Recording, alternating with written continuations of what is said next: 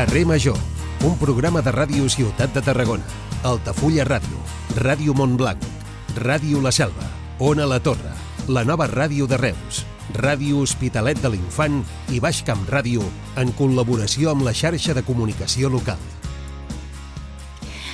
Hola a tothom, benvinguts. Això és Carrer Major, el programa de les emissores del Camp de Tarragona. I comencem, com fem normalment, fent una pinzellada d'allò que passa al nostre país i al món. La Mesa del Parlament ha tramitat la iniciativa legislativa popular impulsada per Solidaritat Catalana perquè la cambra catalana declari la independència tot i que hi ha un informe desfavorable de lletrat. Un informe que no és vinculant, d'entrada només és consultiu.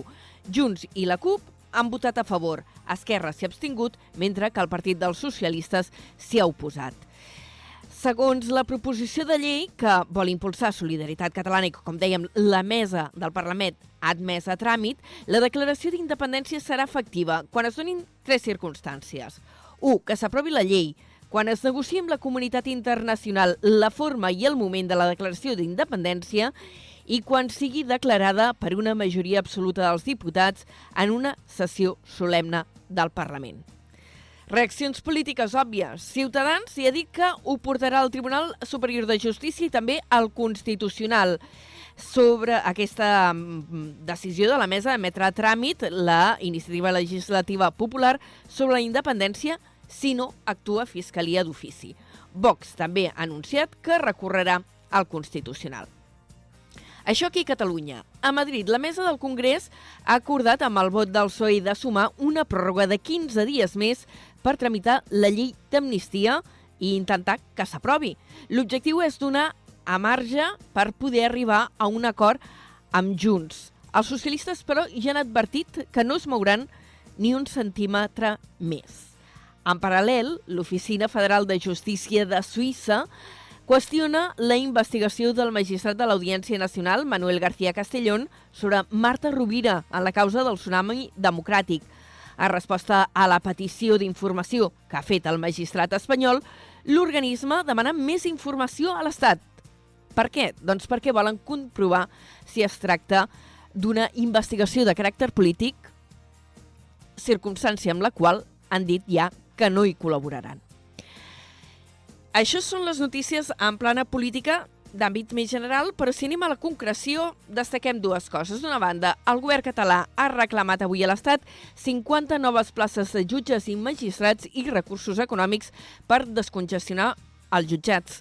Un problema que també es viu molt de prop aquí al territori i del qual ja hem parlat en diverses ocasions, entre altres persones, amb la degana del Col·legi d'Advocats de la demarcació de Tarragona.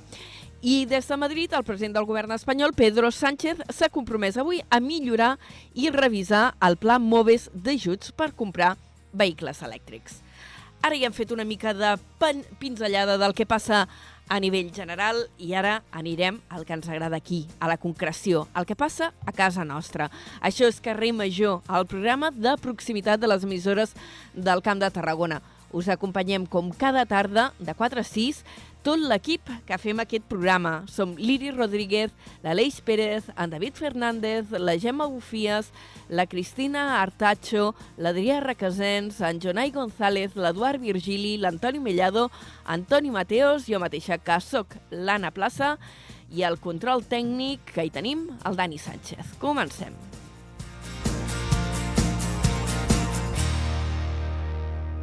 Carrer Major, Anna Plaza i Jonai González.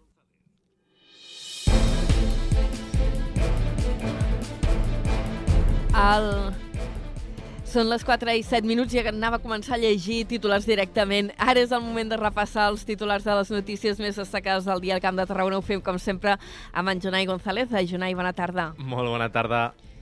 El Servei d'Atenció d'Emergències del 112 de Catalunya ha registrat 177.000 trucades al Camp de Tarragona durant l'any passat, el que representa un 0,9% més que el 2022. Les trucades que més augmenten són les relacionades amb la seguretat, els incendis i el trànsit. Tenir més informació no evita que els adolescents tarragonins consumeixin més alcohol i drogues. És un estudi de la Universitat Rovira i Virgili que constata també que, per exemple, les noies indaguen més però tenen consums més elevats en substàncies com el tabac.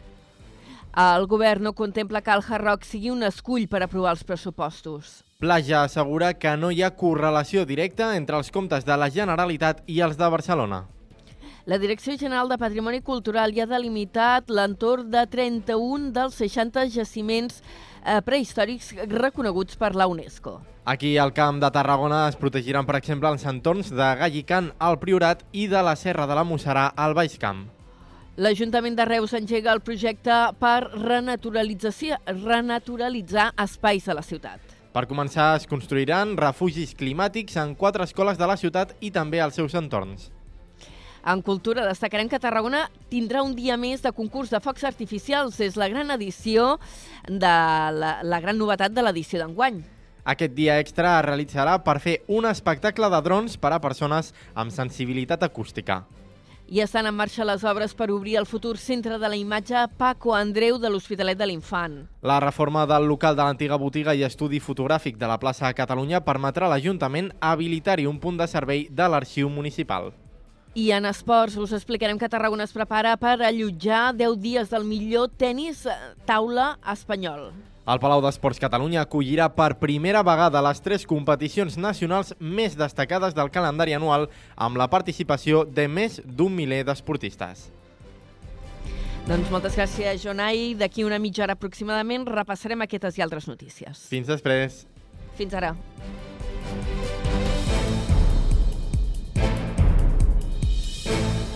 Carrer Major. Toni Mateos.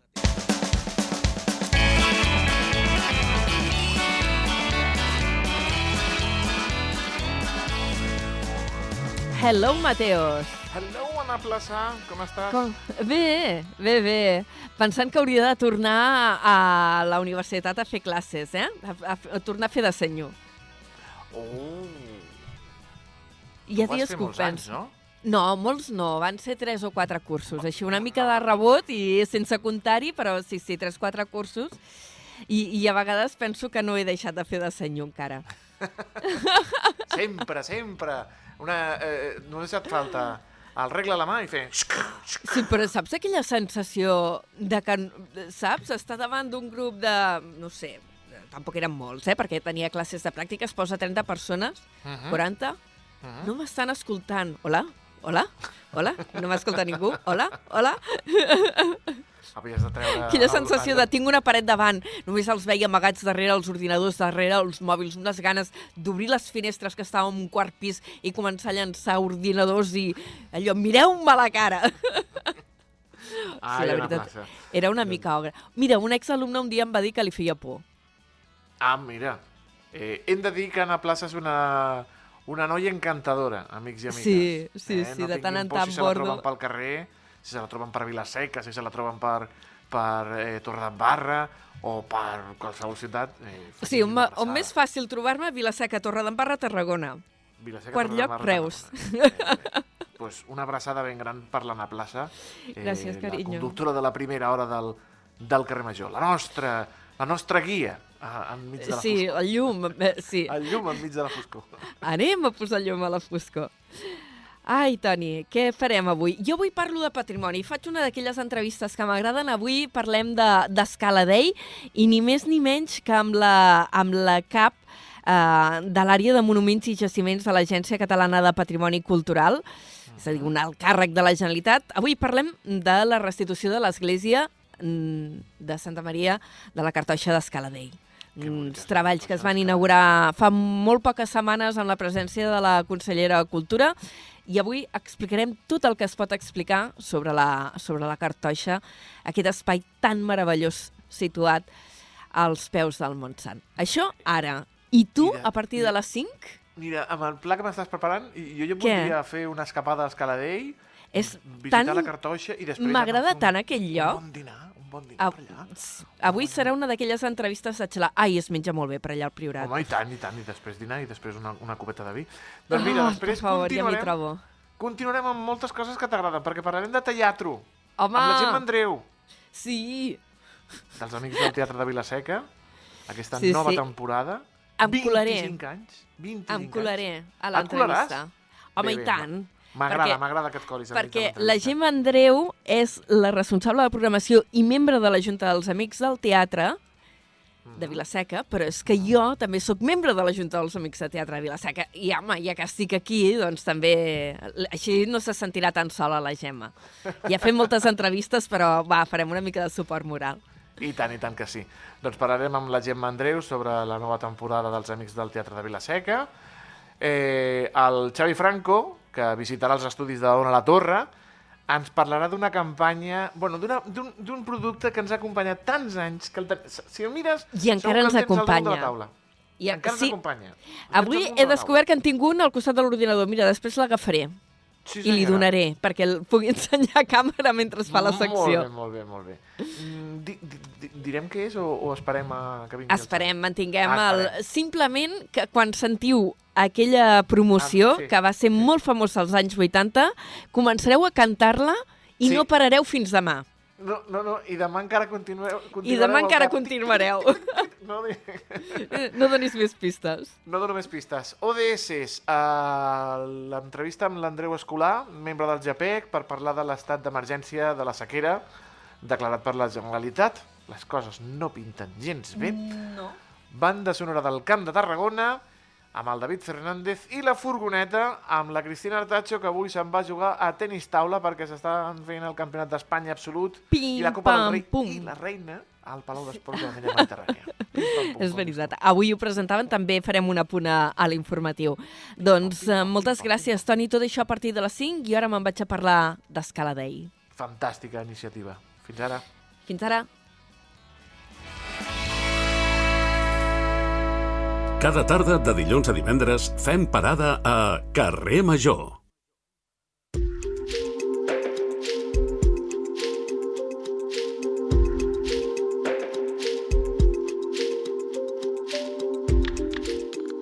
Seguim passejant pel carrer major de les emissores del Camp de Tarragona i avui mm, ens movem una mica més pel territori i anirem fins al Priorat per parlar d'Escaladei, perquè tot just ara fa unes setmanes, a finals del mes de gener, es van inaugurar les obres de restitució de l'església de la Cartoixa. Teníem ganes de parlar amb una mica de detall sobre aquest monument tan emblemàtic del nostre territori, amb tanta importància, i d'aquesta intervenció que s'hi ha fet. I en parlarem amb la Carme Vergés, que és cap de l'àrea de monuments i jaciments de l'Agència Catalana de Patrimoni Cultural, que ens atén per telèfon. Senyora Vergés, bona tarda i benvinguda a Carrer Major.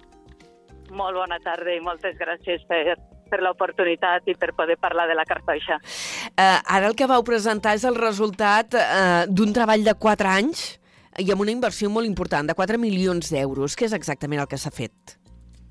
Doncs sí, ho has explicat molt bé, és una, un, un projecte de restauració de, en concret de l'església, que era el- el- l'últim element que, que faltava per, per recuperar tot aquest conjunt que arrencava d'un pla director en molts més anys, no? Per tant, la intervenció que s'està fent a la cartoixa mm, és, és ambiciosa en quant a pressupost, és ambiciosa en quant a temps que portem treballant i és molt ambiciosa en quant a conceptualització d'aquest conjunt. Ara, el que hem fet amb aquests darrers quatre anys és aquesta recuperació de l'església que inauguràvem a finals de, de gener, l'església que és com un dels elements principals de la cartoixa, dels més emblemàtics, i que, com tots els de territori sabeu, estava quasi bé ensorrada. Mm. Eh, per aquest motiu parlem de restitució, oi? Perquè estava enrunada arran de les eh, desamortitzacions que ha, de l'Església que hi va haver al segle XIX eh, i el que s'ha fet és recuperar alguns elements eh, originals i d'altres s'han hagut de reemplaçar, entenc. Sí, exacte. La- L'església es trobava parcialment enrunada, és a dir, li faltava bona part de, de la coberta, que és un dels elements més delicats i que provoca el, bueno, que l'abandó sigui molt més, molt més gran. I, i, i hi havia, amb espais hi havia des de dos metres a quatre metres de runa que no ens permetien ni veure ni entendre com se configurava aquest espai tan central de la cartoixa. Llavors, és restitució en tant que hi ha un procés de restauració dels elements originals conservats i dels que no s'han conservat s'ha procurat reconstruir amb, amb un criteri absolutament arqueològic, però que es noti que és aquesta part nova, seguint els mateixos criteris que s'havien fet amb la resta de, de galeries del claustre major o d'altres elements que al llarg de gairebé 20 anys s'han anat, anat recuperant. Ha permès aquesta, res- aquesta restitució? El, sobretot, jo aquí vull posar el foc d'atenció en què primer ens obliga a fer tot un exercici de, com, de reflexió de què volem ensenyar i en quin moment ens centrem de l'Església, perquè l'Església és un, la fàbrica originària és del segle XIII, però que ha viscut diferents moments constructius i ens trobàvem que la fàbrica de- d'època moderna, del segle XVIII, XVII i XVIII, era la més potent, la més important i la que, de la que conservàvem més elements. I ens vam centrar en aquesta recuperació, en aquest estudi, eh, insistir en la importància no només de l'obra arquitectònica, sinó de la immensa feina que s'ha fet amb recerca arqueològica i històrica que ens ha permès interpretar tots aquests espais.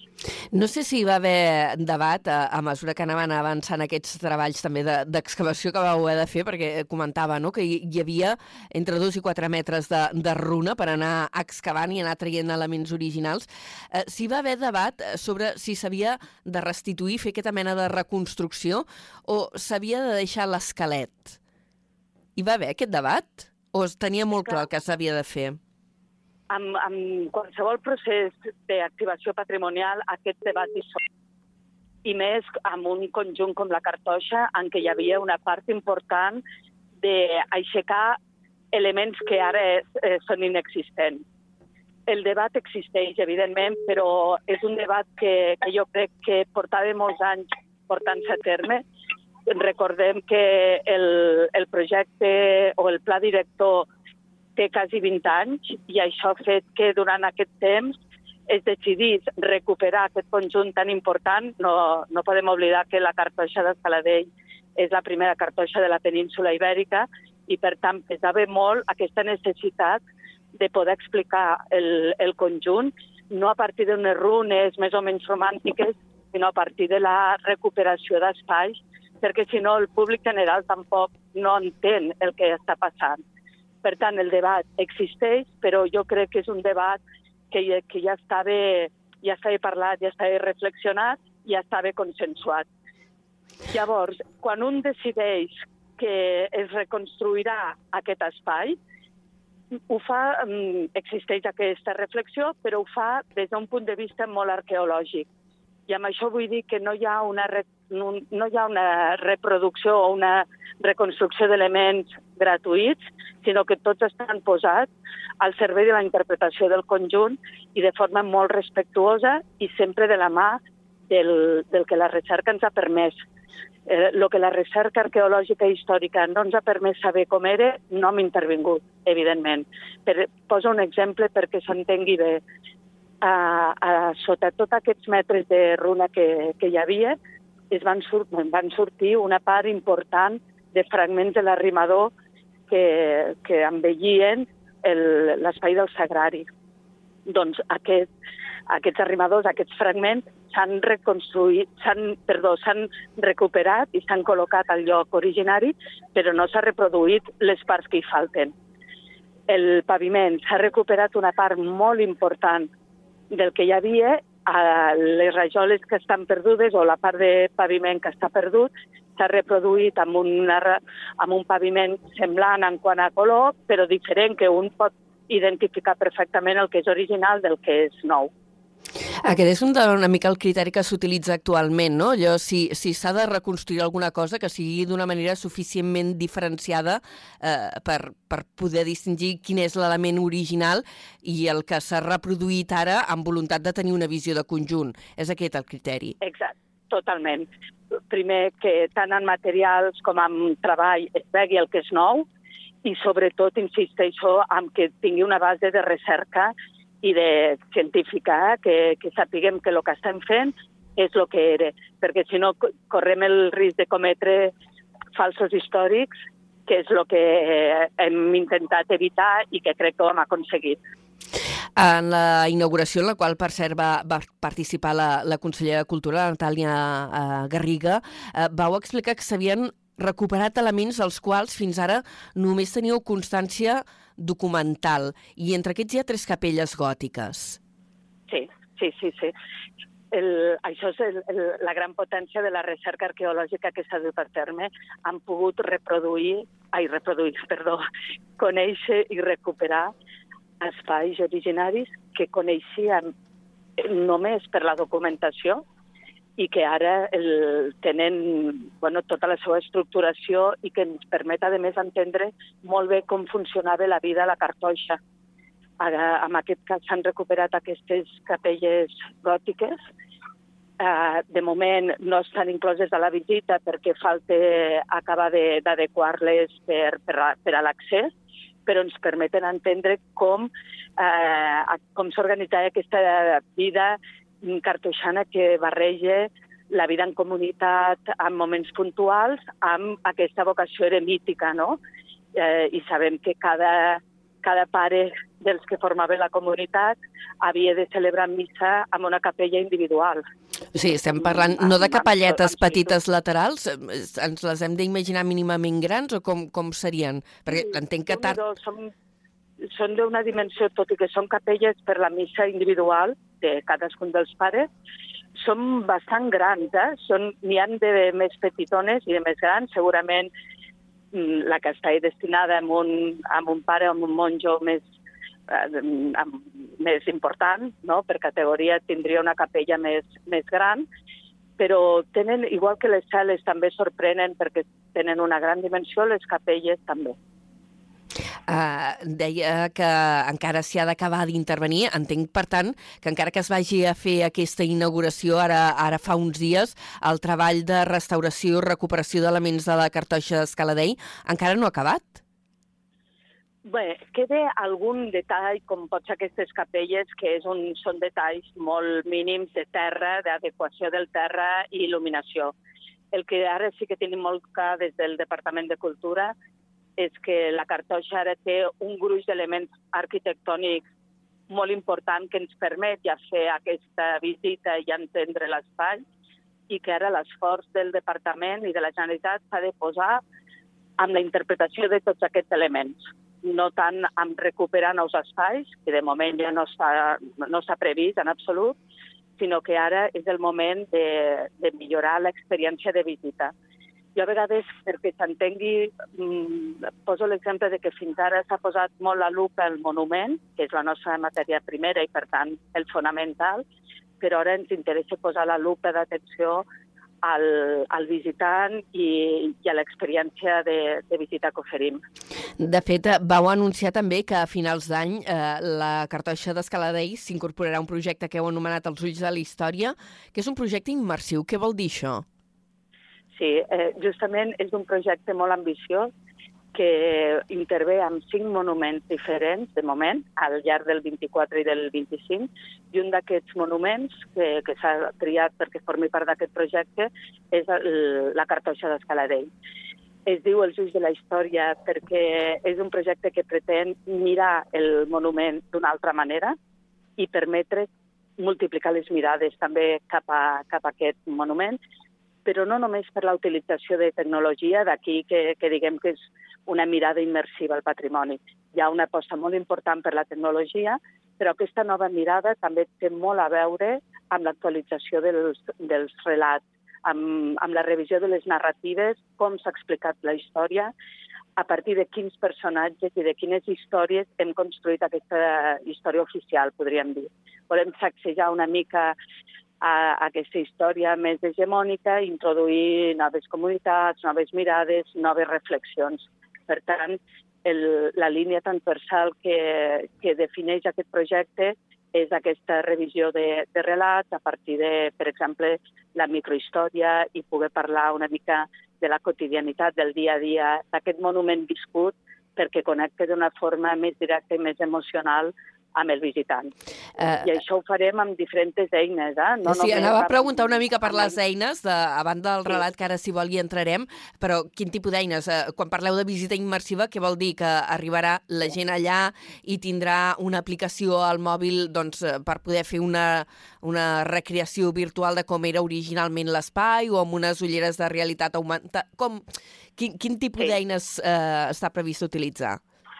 Som, són vàries. Mira, comencem per, per la creació al monument d'un espai que anomenem espai immersiu o de realitat virtual, on amb grups i amb, amb grups d'unes 20-25 persones es podrà fer un primer contacte amb el monument a partir d'aquestes ulleres de realitat virtual que cada cop estan molt més avançades i, i et permeten interactuar no només amb allò que estàs veient, sinó també amb, amb la gent amb la que estàs fent la visita al monument. I allí, amb aquestes, eh, amb aquestes ulleres de realitat virtual, per dir-ho d'alguna forma, t'ex- te- t'explicarem una història al voltant del, del monument perquè tingui, el visitant tingui les eines per començar la visita i entendre, per començar o per acabar-la, eh? perquè pot ser aquest espai immersiu pot ser introductori o pot ser conclusiu. Val? Depèn de l'estructura i de la història de cada monument. Però tu et posaràs les ulleres i veuràs amb realitat virtual com funcionava el monument i com s'hi vivia el dia a dia i, i què és el que estàs a punt de visitar. Però després, més enllà d'aquest espai immersiu, s'està treballant amb una guia multimèdia, el que podríem entendre com una audioguia, però amb molts suports tecnològics diferents, que a través del, del teu propi mòbil podràs veure, per exemple, eh, elements patrimonials que ara no existeixen o que estan de forma fragmentària i que podrem reconstruir a partir de la, de, de la tercera de, de, les reconstruccions 3D. Mm. Eh, parlava també del, del relat, eh, perquè la cartoixa d'Escaladei, eh, que per ser enguany mm, celebra 830 anys de la seva fundació, eh, Sí. era un conjunt monàstic que també va ajudar a configurar el territori, el priorat, com el coneixem avui en dia, entenc. Totalment, totalment. De fet, està el topònim, no?, té a veure Sí. amb, amb aquest priorat de la cartoixa. Eh, I el relat també va cap aquí. Mm, Tenim com... Hi ha molts objectius eh, amb aquesta revisió de relat, però un d'ells és sobretot que el monument no estigui mm, inclòs i pugui explicar el context on s'ubica. El monument no són un seguit de pedres o d'elements patrimonials aïllats que tenen valor per la seva importància artística, com a vegades potser s'ha volgut veure, sinó que tenen una importància i configuren tota una geografia, tot un paisatge. I, per tant, ja aquest objectiu serà fonamental, el crear un context que expliqui el monument, però també el lloc, eh? aquesta importància de, del lloc i, i de com es construeix aquest paisatge.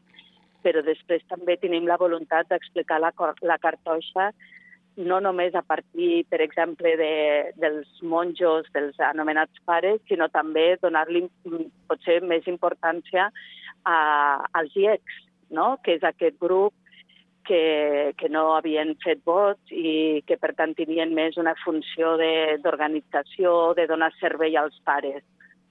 Intentar explicar el, el funcionament, la distribució dels espais, el, aquesta espiritualitat tan, tan evident de la cartoixa a partir de diferents protagonistes o de diferents agents que van intervenir.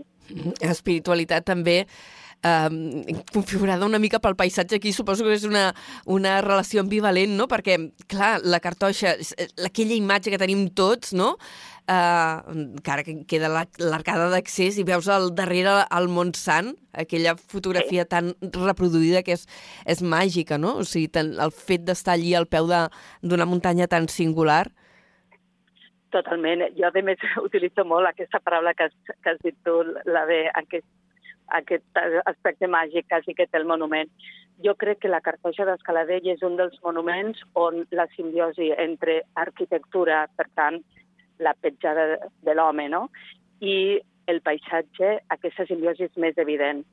Eh, tu quan entres a la cartoixa i veus el portal de l'Ave Maria, que quasi es confon amb el, amb el Montsant és brutal. Per tant, jo crec que és un, un dels conjunts que millor va saber ubicar-se i conviure amb el seu propi paisatge i per això ho hem d'explicar.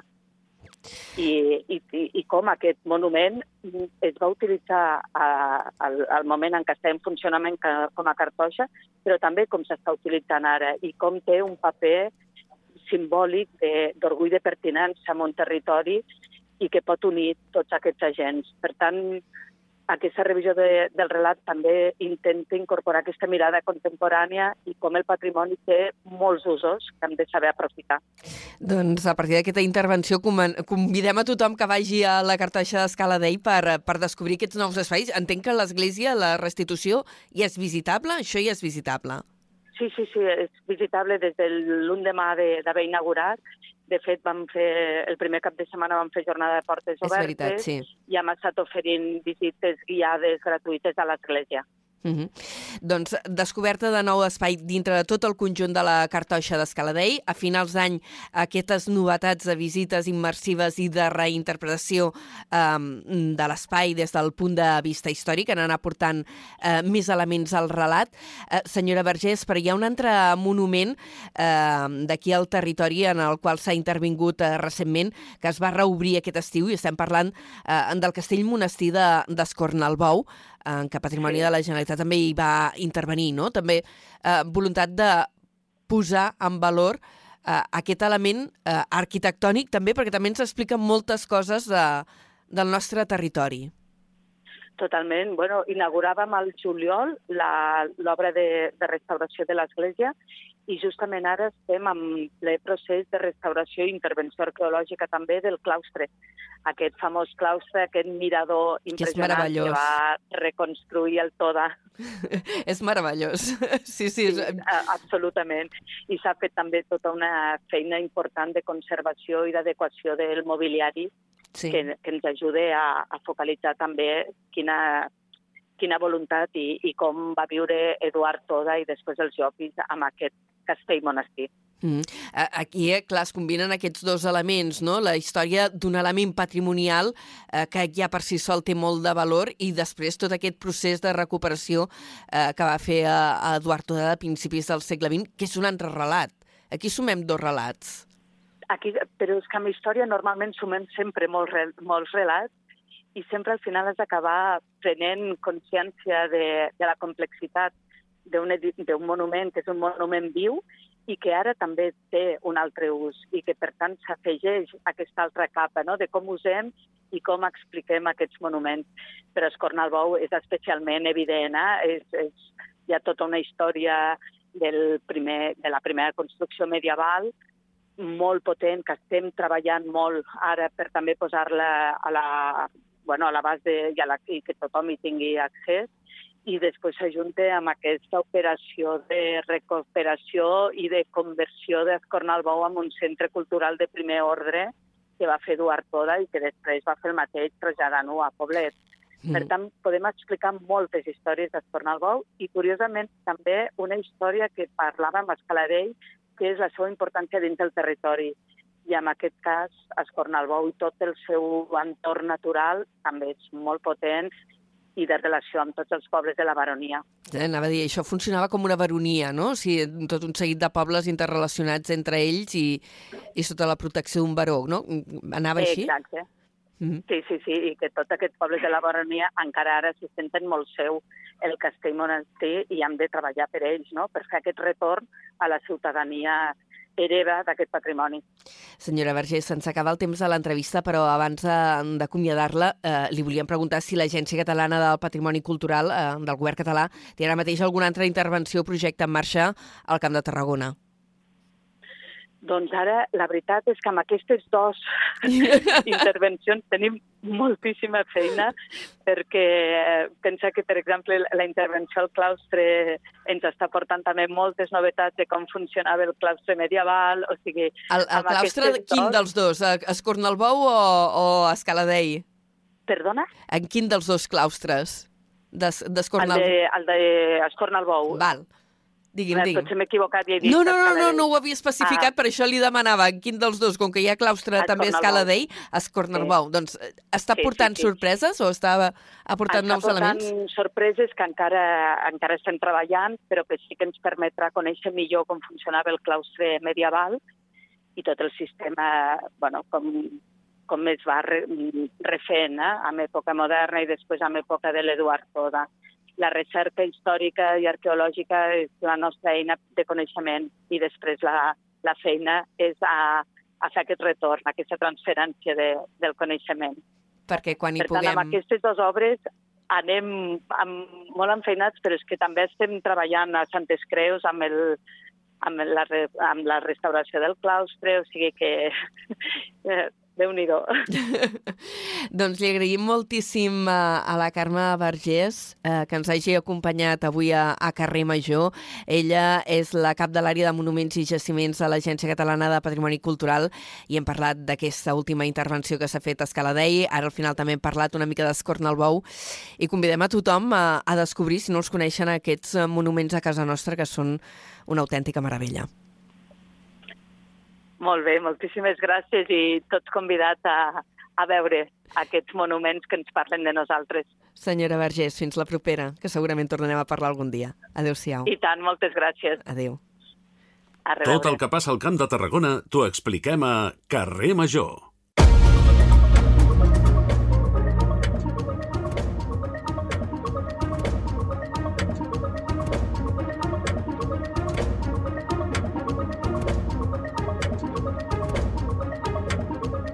És endinsar-nos amb detall amb les notícies de la jornada. Abans les hem apuntat en titulars i ara les aprofundim. Jonai, bona tarda de nou. Molt bona tarda de nou. Comencem destacant avui que el Servei d'Atenció d'Emergències del 112 ha registrat 177.000 trucades al Camp de Tarragona durant el 2023. Això representa un 0,9% més que l'any anterior. Les trucades que més han augmentat són les relacionades amb la seguretat, els incendis i el trànsit. Aquestes són les principals dades presentades aquest dimarts en el primer balanç territorial del 112.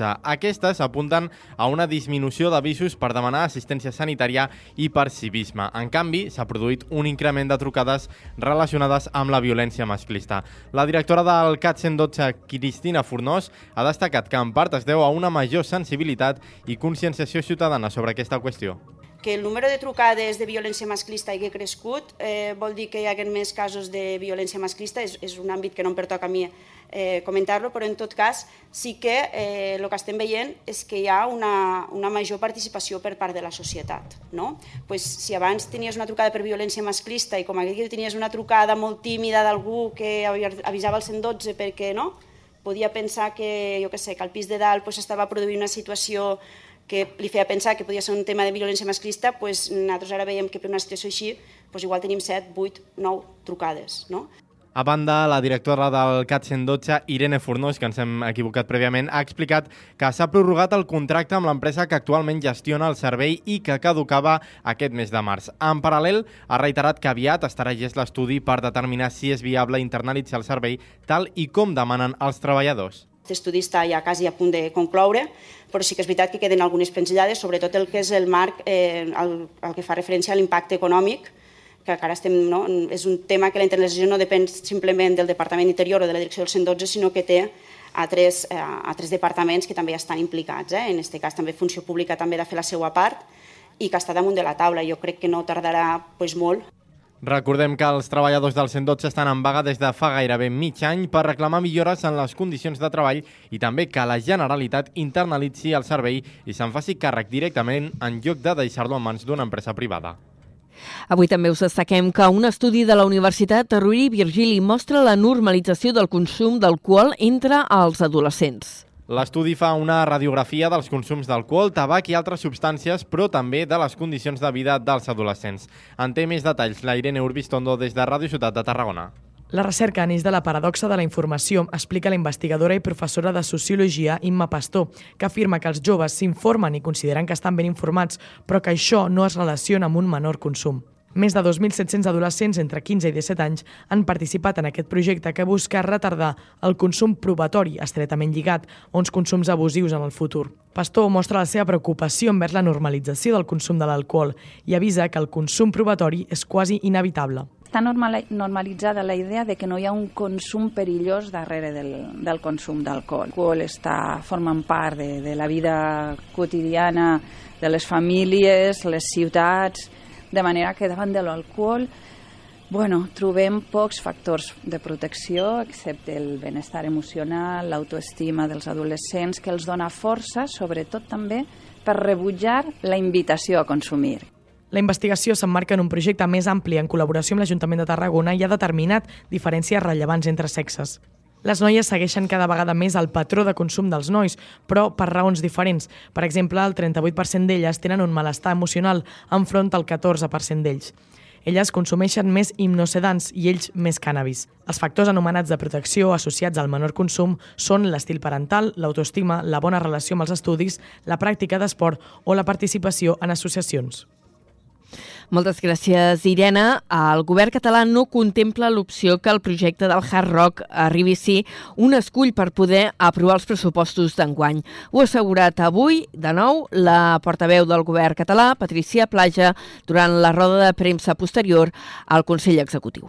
Pla ja ha afegit que no hi hauria cap motiu perquè el govern i els grups parlamentaris no poguessin repetir l'operació de pactar i aprovar els comptes d'enguany. De fet, la portaveu ha subratllat que espera que els propers dies l'aprovació dels pressupostos ja sigui una realitat. No contemplem que el Hard Rock pugui ser un escull per tirar endavant eh, els pressupostos, perquè el govern té paraula, va aprovar els pressupostos l'any passat amb el suport dels grups que vostès ja coneixen, ha complert absolutament tots els compromisos als que es va anar a arribar per tal de, de poder tirar de poder arribar a aquest acord i, i no hi hauria cap motiu perquè no, no poguéssim repetir l'operació de pressupostos.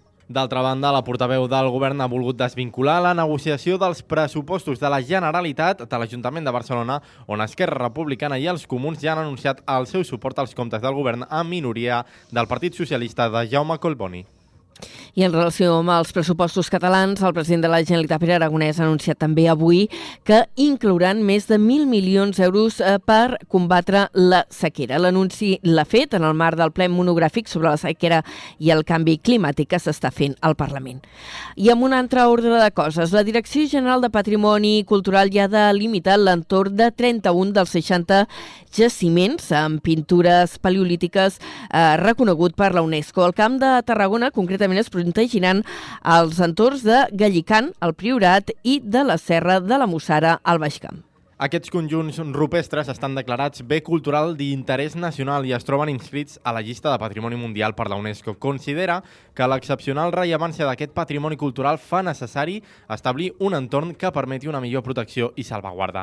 El conjunt pictòric de l'abric de Gallican, a Cornudella de Montsant, té un total de 18 figures pintades d'un color vermell que estan molt viu, que es poden distingir en dos grups separats. En aquest cas, la delimitació es configura com un entorn ampli que abasta un tram de la cinglera on se situa l'abric i inclou la zona delimitada que abasta un total de 12 hectàrees. El jaciment de l'abric de la Serra de la Moixarà, Vilaplana, presenta un conjunt format per un total de 24 figures d'estil esquemàtic abstracte. Moltes d'aquestes figures són de difícil interpretació i d'altres són d'un estil més esquemàtic, com els quadrúpedes o les figures humanes. La figura més destacable del conjunt és el grup de nou figures humanes unides per les espatlles que podrien estar representant algun tipus de cerimònia. En aquest cas, la zona delimitada és de 16 hectàrees.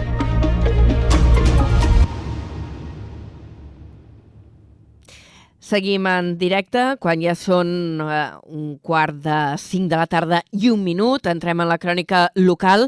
L'Ajuntament de Reus engega el projecte per renaturalitzar la ciutat. Per començar, es construiran refugis climàtics en quatre escoles de la ciutat i els seus entorns. Des de la nova ràdio de Reus ens ho explica la Laura Navarro. S'implantaran un conjunt d'arbres per aconseguir zones d'ombra, es construiran pèrgoles vegetals i se substituiran els paviments durs per paviments permeables. Les escoles de la ciutat que formaran part d'aquesta iniciativa són l'Escola Pompeu Fabra, General Prim, Teresa Miquel i Maria Fortuny. A més, els nous refugis climàtics seran accessibles per tota la ciutadania en horari no escolar. La licitació de la redacció dels projectes té un pressupost de 90.000 euros, tot i que encara es desconeix el pressupost d'execució. Sandra Guaita, alcaldessa de Reus, explica que es tracta d'un projecte molt transversal. Aquest projecte ens agrada perquè és un projecte molt transversal, eh, que ens permet una transformació urbana evident, des d'aquesta visió de ciutat verda i sostenible, ens permet una transformació també en els hàbits de la pròpia ciutadania, amb aquesta visió de ciutat saludable també, però ens, ens permet també una transformació social. L'habilitació de les escoles és el primer punt que s'engega del projecte Renatur Reus i s'inclou dins els pressupostos dels fons Next Generation amb un total de 4,2 milions i inclouen diverses actuacions de renaturalització de la ciutat. Moltes gràcies, Laura. Seguim avançant pel territori en anem al Baix Gaià. El govern de Torre d'Embarra defensa que han fet tot allò que han pogut per trobar una seu alternativa pel Bike Park Costa Daurada de la Torre. L'entitat haurà de deixar a finals d'aquest any les seves instal·lacions a tocar del cementiri perquè són de titularitat municipal i allà s'ha de construir el futur centre d'atenció primària de Torre d'Embarra. Ens ho amplia des d'Ona la Torre en Josep Sánchez. El segon tinent d'alcalde, Raül Garcia, que va ser regidor d'Esports durant els dos últims mandats, ha comentat que des de l'Ajuntament s'ha ofert una alternativa al Bike Park en uns terrenys situats a la mateixa zona esportiva. Reconeix, però, que són molt més petits que les instal·lacions actuals i que no cobreixen les necessitats del club. Amb tot, apunta que cal ser realistes i explica que no tenien cap altra opció a oferir. Al, al final eh, és, és difícil eh, complir amb totes les voluntats i totes les necessitats, això sí que entre cometes, de les entitats. És a dir, hem de ser realistes a on som i què pot suportar l'Ajuntament. Garcia afegeix que el problema ve de lluny perquè neix d'una sessió dels terrenys que no es va arribar a formalitzar. Segons apunten des del Bike Park, les previsions són que hagin de deixar els terrenys al mes d'octubre. Fa uns dies el Departament de Salut va treure a licitació la redacció del projecte del futur CAP i la direcció d'obres. Anem ara a l'Hospital Universitari Joan 23 de Tarragona, que ha incorporat tres nous equips per al diagnòstic de càncer i malalties del cor eh, per reforçar l'aposta tecnològica del centre. Es tracta d'una sala de rajos X digital robotitzada i un equip de tomografia computada.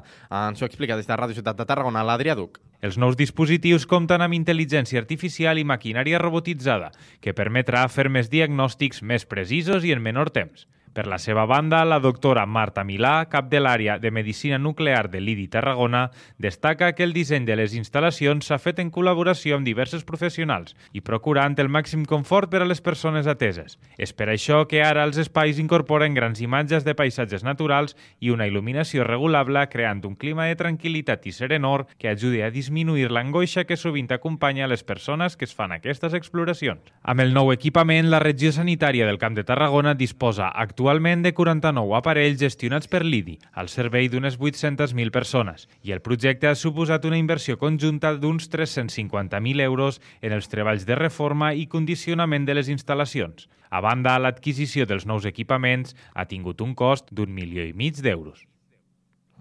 Moltes gràcies, Adri. I a l'Hospitalet de l'Infant ja estan en marxa les obres per, eh, per obrir el futur centre de la imatge Paco Andreu. La reforma del local de l'antiga botiga i estudi fotogràfic de la plaça Catalunya permetrà a l'Ajuntament habilitar-hi un punt de servei de l'arxiu municipal. Ens ho explica des de Ràdio L'Hospitalet, Liri Rodríguez. L'Ajuntament de Vandellós i l'Hospitalet de l'Infant té previst obrir a la primavera el centre de la imatge Paco Andreu. Aquest nou equipament cultural municipal estarà ubicat a la plaça Catalunya de l'Hospitalet de l'Infant. Aquest centre serà un punt de servei de l'arxiu municipal, igual que Cala Torre de Vandellós, i tindrà com a objectius la preservació, l'estudi, l'accessibilitat i la difusió del patrimoni documental, en especial el visual local des del vessant arxivístic i artístic. Elidia López és la regidora de Cultura. Aquest projecte tindrem cedit durant un espai de temps eh, tot el fons fotogràfic de, de l'Andreu, que va estar molts anys eh, fotografiant doncs, eh, festes i espais i gent del poble, evidentment. També la gent tindrà l'oportunitat d'aquells documents que trobin a casa seva, que es trobin rellevants històricament, els puguin portar. L'any 2022, l'Ajuntament es va comprometre a custodiar i conservar aquestes imatges, a obrir-les a la consulta pública i a identificar-les i tractar-les.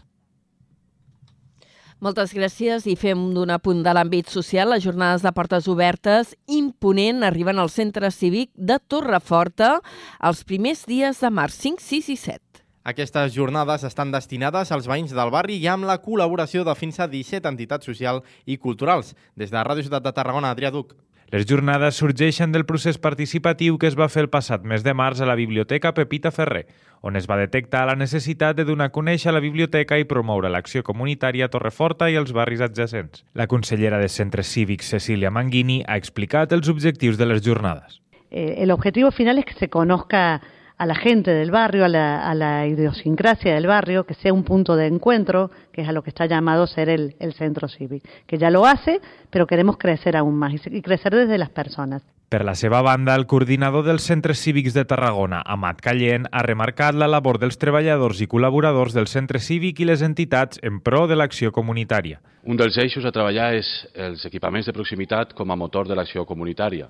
I l'acció comunitària no té sentit sense la comunitat, sense vosaltres, sense la gent que està aquí fent tallers de memòria, sense les entitats que vindran, sense els serveis que compartiu un espai. El primer dia de les jornades estarà dedicat als serveis municipals, el segon a les entitats culturals i el tercer a les associacions de cultura catalana, a més de la gran festa final amb una ballada conjunta de diverses colles geganteres i un espectacle de foc.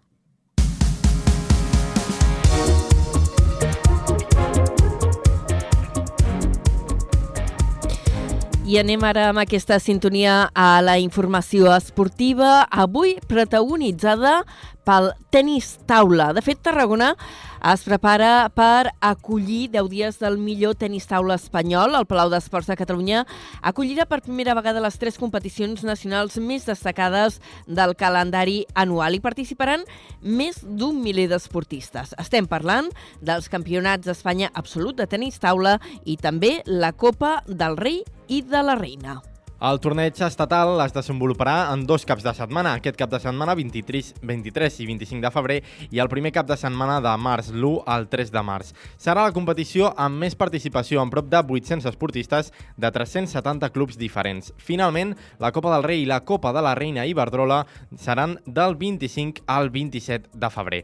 En total, es podrà gaudir en directe i de forma gratuïta de més dels 2.500 partits previstos. A més, el torneig es podrà seguir a través de Ràdio Televisió Espanyola, que oferirà en directe les finals del Campionat d'Espanya Absolut i també de les Copes.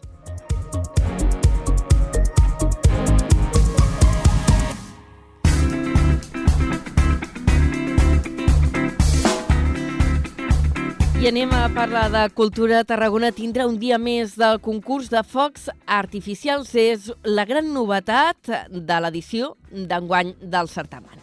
I aquest dia extra servirà per fer un espectacle de drons per a persones amb sensibilitat acústica. En té més detalls la Cristina Artacho des de Ràdio Ciutat de Tarragona. En una entrevista al Bon Dia Tarragona, la consellera ha repassat algunes de les cites més importants del calendari cultural a la ciutat. Considera que Tarragona és una ciutat molt activa en aquest sentit, però certs esdeveniments són pocs coneguts en certes ocasions, pel qual cal fer apostes clares i analitzar els motius. En aquest sentit, l'Ajuntament ja treballa en el Pla Estratègic de Cultura, que precisament aquesta aquesta setmana reprèn el procés participatiu. Sandra Ramos ha fet referència al Sona Flamenc, on considera que hi ha hagut canvis interessants amb la incorporació d'un director artístic. Pel que fa al Festival d'Estiu al Camp de Mart, ha detallat que s'obrirà amb una òpera.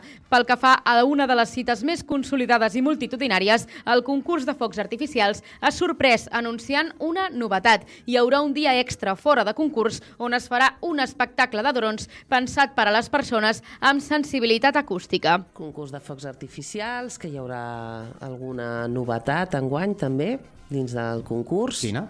Mm.